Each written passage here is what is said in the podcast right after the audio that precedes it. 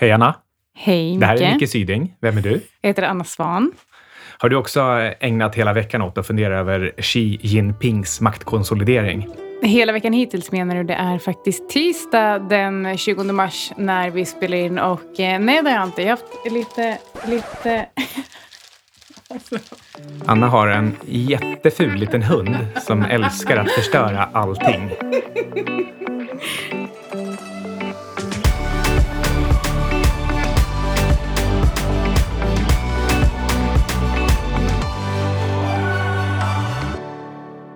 Men vad är det Xi Jinping har gjort? Jo, till att börja med så har han tagit bort den här liksom bortre änden av hur länge han kan vara president eller vad det nu är man är i, i Kina. Och sen har han dessutom ägnat tiden åt att konsolidera flera olika maktpositioner, militär och politisk och, och vad det nu är för någonting. Så att han är den mäktigaste kinesiska ledaren på väldigt länge. Det låter demokratiskt. Nej, det är inte alls demokratiskt. Man kan verkligen fundera över varför gör han det här? Jag har en hypotes. Berätta.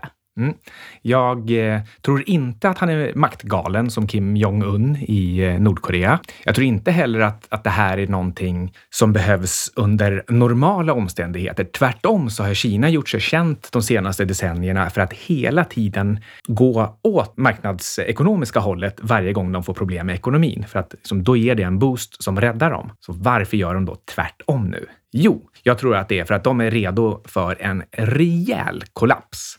Det är slutet på fiatvalutor. Det är när de här enorma skuldbergen som har byggts upp, bland annat eh, 40 trillion dollar i bankskulder i, i Kina. När, när de här inte längre är hållbara och måste bytas ut på något sätt, då kan det bli så stora problem i Kina att landet riskerar att falla samman om man inte har en ultimat supreme being som eh, leder landet. Så det stod, valet stod mellan honom och dig och eh, du tackade nej för att eh, du vill ju inte jobba längre. Och så gillar jag inte alls det där med diktaturer. Det var den lilla detaljen också. Sen har jag funderat lite grann på Fingerprint också. Har du det? Är det, är det, något, är det något mer än eh, Kina och Fing som rör, rör sig i din hjärna? Nej, egentligen inte. Du önskar att det var andra saker som rörde sig, men det är de här sakerna. Fingret och ja, Xi fick du. Jag gillar förresten att det här är din version av small talk. Mm. Men uh, ska, vi, ska vi hoppa över vårt, uh, vårt kallprat och kanske gå över till ämnet som är lite mer intressant att lyssna på?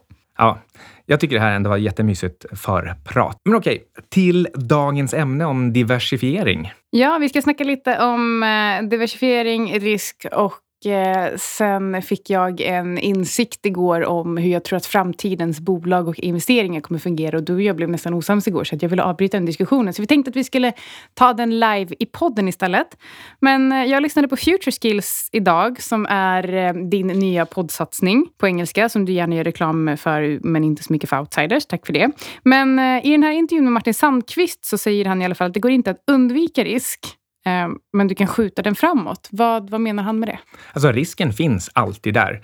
Verkligheten är som den är. Saker och ting går sönder, saker och ting överraskar. Du kan fördela risken på fler personer, du kan förflytta den i tiden eller möjligen på något sätt kanske också i, i rummet. Men all risk som finns kommer manifesteras eller upplevas av någon. Ja, exakt. Men, men vad ska man göra med den här informationen då? Till exempel om du levde igenom den här husbubblan så kunde du insett att all risk som faktiskt fanns i husmarknaden och all risk som hävstång innebär, den eh, måste ätas upp av någon. Så det spelar ingen roll hur mycket du la ihop massa olika skuldinstrument i korgar och, och snittade dem till höger och vänster och, och delade upp dem. All risk fanns ändå kvar där. Det gällde bara att man behövde vara lite extra kreativ och skicklig för att plussa ihop den igen och se hur mycket risk det faktiskt fanns. Och eh, då betyder ju alltså det här att eh, ju längre tid vi skjuter risken framför oss, och med det menar vi den här högt värderade marknaden, som faktiskt kanske inte, med tanke på att den har stått still nu ett tag eh, de senaste åren, så ehm, har ju risken inte blivit avsevärt högre i alla fall, förutom i vissa enskilda bolag. Men det betyder i alla fall att när vi väl ser en korrektion så kommer den med besked. Jag tror ju också att det är så, men jag vill också tillägga, man vet ingenting om framtiden. Vi vet inte om det kommer en krasch eller en korrektion eller om det här ska upp 100 procent. Det, det, är faktiskt omöjligt att veta, men med alla sätt som jag kan bedöma det här på så tror jag att det är mycket, mycket mer sannolikt att vi ska långt ner innan vi ska upp igen. Men vi ska komma tillbaka till det lite senare, det här med eh, vad du tror och så vidare vidare för att igår tyckte jag att eh, du låste dig lite när vi diskuterade mina framtidsutsikter. Men vi ska komma tillbaka till det lite senare. Vad, ehm, vad kan man göra då med risk? Vi, jag pratar ju väldigt mycket om eh, diversifiering och eh, det vanligaste man får höra av de som börjar spara är att jo, jo, men jag äger lite olika branscher, jag har spritt mina risker, jag äger både Ica och Axfood till exempel. Men det är inte riktigt det det här betyder. Vad, vad betyder egentligen diversifiering? För mig så betyder diversifiering att man sprider sina investeringar mellan saker som är okorrelerade. Och saker kan vara mer eller mindre okorrelerade. Så det är självklart så att eh, enskilda aktier och enskilda branscher, de är mindre korrelerade än om du har allting i en enda bransch eller i en enda aktie. Exakt. Men hur vet man vad man ska placera sina pengar i då? Ehm, du pratade lite innan när vi, eh, när vi snackade ihop oss om podden att eh, man ska titta på eh, saker som inte är korrelerade till varandra och att man ska titta på vad den underliggande drivkraften är just då, för att den kan också ändras. Vad menade du med det? Mm. Ibland så säger man att det går jättebra att diversifiera sig mellan eh, obligationsinstrument och eh, aktier, för de har historiskt varit ganska okorrelerade. Den ena drivs av trygghet medan eh, den andra drivs av förhoppningar om, om tillväxt och kanske fear of missing out. Men om man befinner sig i ett paradigm där det flyter omkring väldigt mycket pengar, pengar som bara jagar avkastning av någon form som helst, då och det är så här jag tror att det är idag, så har den underliggande drivkraften förändrats från att vara någonting eh, tillgångsspecifikt till att vara helt enkelt pengar som flyr från att bara ligga stilla. Och då flyr de in i obligationer, i aktier, i fastigheter. Så att alla de här tre tillgångslagen har blivit drivna av precis samma underliggande faktor. Och det är bara det att, att eh, pengar har blivit en het potatis som man inte vill ha när man söker yield och söker risk. Och eh, Det finns ju en förkortning som vi kallar för TINA, there is no alternative. Och Då brukar man ju förväxla det här med att det skulle betyda att man bara kan investera i aktier, men eh, det gör det inte alls, eller hur? Nej, tvärtom så tycker jag att man ska göra om det här till att säga att det finns alltid ett alternativ. Det finns alltid antingen en, en region eller ett tema eller en tillgångsklass som är attraktiv att investera i. Precis, så äh, lägg av med Tina. Tina är inte sant. Jag tycker att äh, vi stryker det här och nu.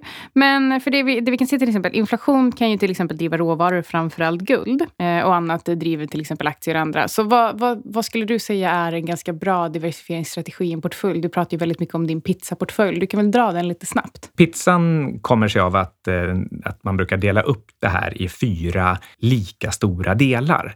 Så om du delar upp dina investeringar mellan eh, aktier, räntor, guld och fastigheter till exempel, då har du en quattro stagione, alltså fyra årstider, den typen av pizza som är fyra delar med lite olika pålägg på. Vad man kan använda den här till är att om, eller så länge de är okorrelerade och, och, och, går lite upp och ner i, i mottakt mot varandra, så kan man alltid fylla på i den som har gått ner och sälja av i den som har gått upp. Och då får man en, en, en ganska stabil portfölj som har bättre relation mellan avkastning och risk över tid än att bara ha allt i en enstaka eh, pizzabit. Och eh, Ray Dalio har ju inte den här pizzaportföljen, men han har ju byggt sin på, eh, på någonting som man kallar för the all weather portfolio. Och eh, när S&P 500 eh, 2008 gick ner, vad var det, typ 38 procent, eller det var nog till och med ännu mer, så gick hans portfölj bara ner, eller Eh, den här all weather portfolio gick ner 3,6 procent tror jag det var. Jag har inte de exakta siffrorna, så rätta mig helst inte där. Men no något i den storleksordningen. Så det här med en diversifiering som, där man sprider i tillgångsklasser som inte korrelerar till varandra, det fungerar faktiskt framför allt om vi ser en större nedgång. Frågan är hur det gick till att Futuris, som jag var förvaltare på, gick upp 50 procent 2008 i kronor räknat. Nu investerade vi i euro, så vi fick lite eurofördelar också. Men vi investerade ju bara i aktier och ändå var vi upp eh, nästan 50 procent det året som, eh, som marknaden kraschade. Det var därför du blev utsedd till världens bästa hedgefondförvaltare genom alla tider och dimensioner, eller hur? Ja, någonting sånt var det. Mm, men jag tycker vi går vidare nu. Vi släpper, vi släpper diversifieringen. Jag tror att vi kanske får ta ett helt avsnitt om det vid något tillfälle. Men jag är alldeles för psyched på det här eh, som vi diskuterade igår. Jag tog en promenad med en eh, kompis igår och eh, vi diskuterade bland annat lite bolagsbyggande och så vidare. Och eh, sen när jag kom hem så började jag fundera på, okej, okay, men hur är framtidens sätt att bygga bolag? Jag funderar överlag väldigt mycket på det här paradigmskiftet som det känns som att vi ställs inför när det kommer till eh, egentligen allt, men framför allt entreprenörskap, bolagsbyggande och värdeskapande. Och då kom jag hem och så sa jag till Micke, du, jag tror inte att framtidens bolag kommer att vara fokuserade på att maximera vinst i form av kapital, utan att man istället kommer att fokusera på eh, att maximera sin tillväxt och således skapa andra typer av värden. Eh, och vad tyckte du då? Jag har väldigt svårt att se att investerare ska ge upp sin, sin tid, sina resurser, sina pengar och sin makt och ge dem för andelar i ett företag som inte tänker ge någonting tillbaka till just själva eh, investerarna. Men då kanske du ska köpa H&M med hög direktavkastning då, om du tycker att utdelningen är det viktigaste? Ja, men det, alltså jag betalar ju mycket hellre pengar för H&M och summan av deras framtida utdelningar, givet att jag får betala rätt pris, vilket jag inte tycker dagens kurs är,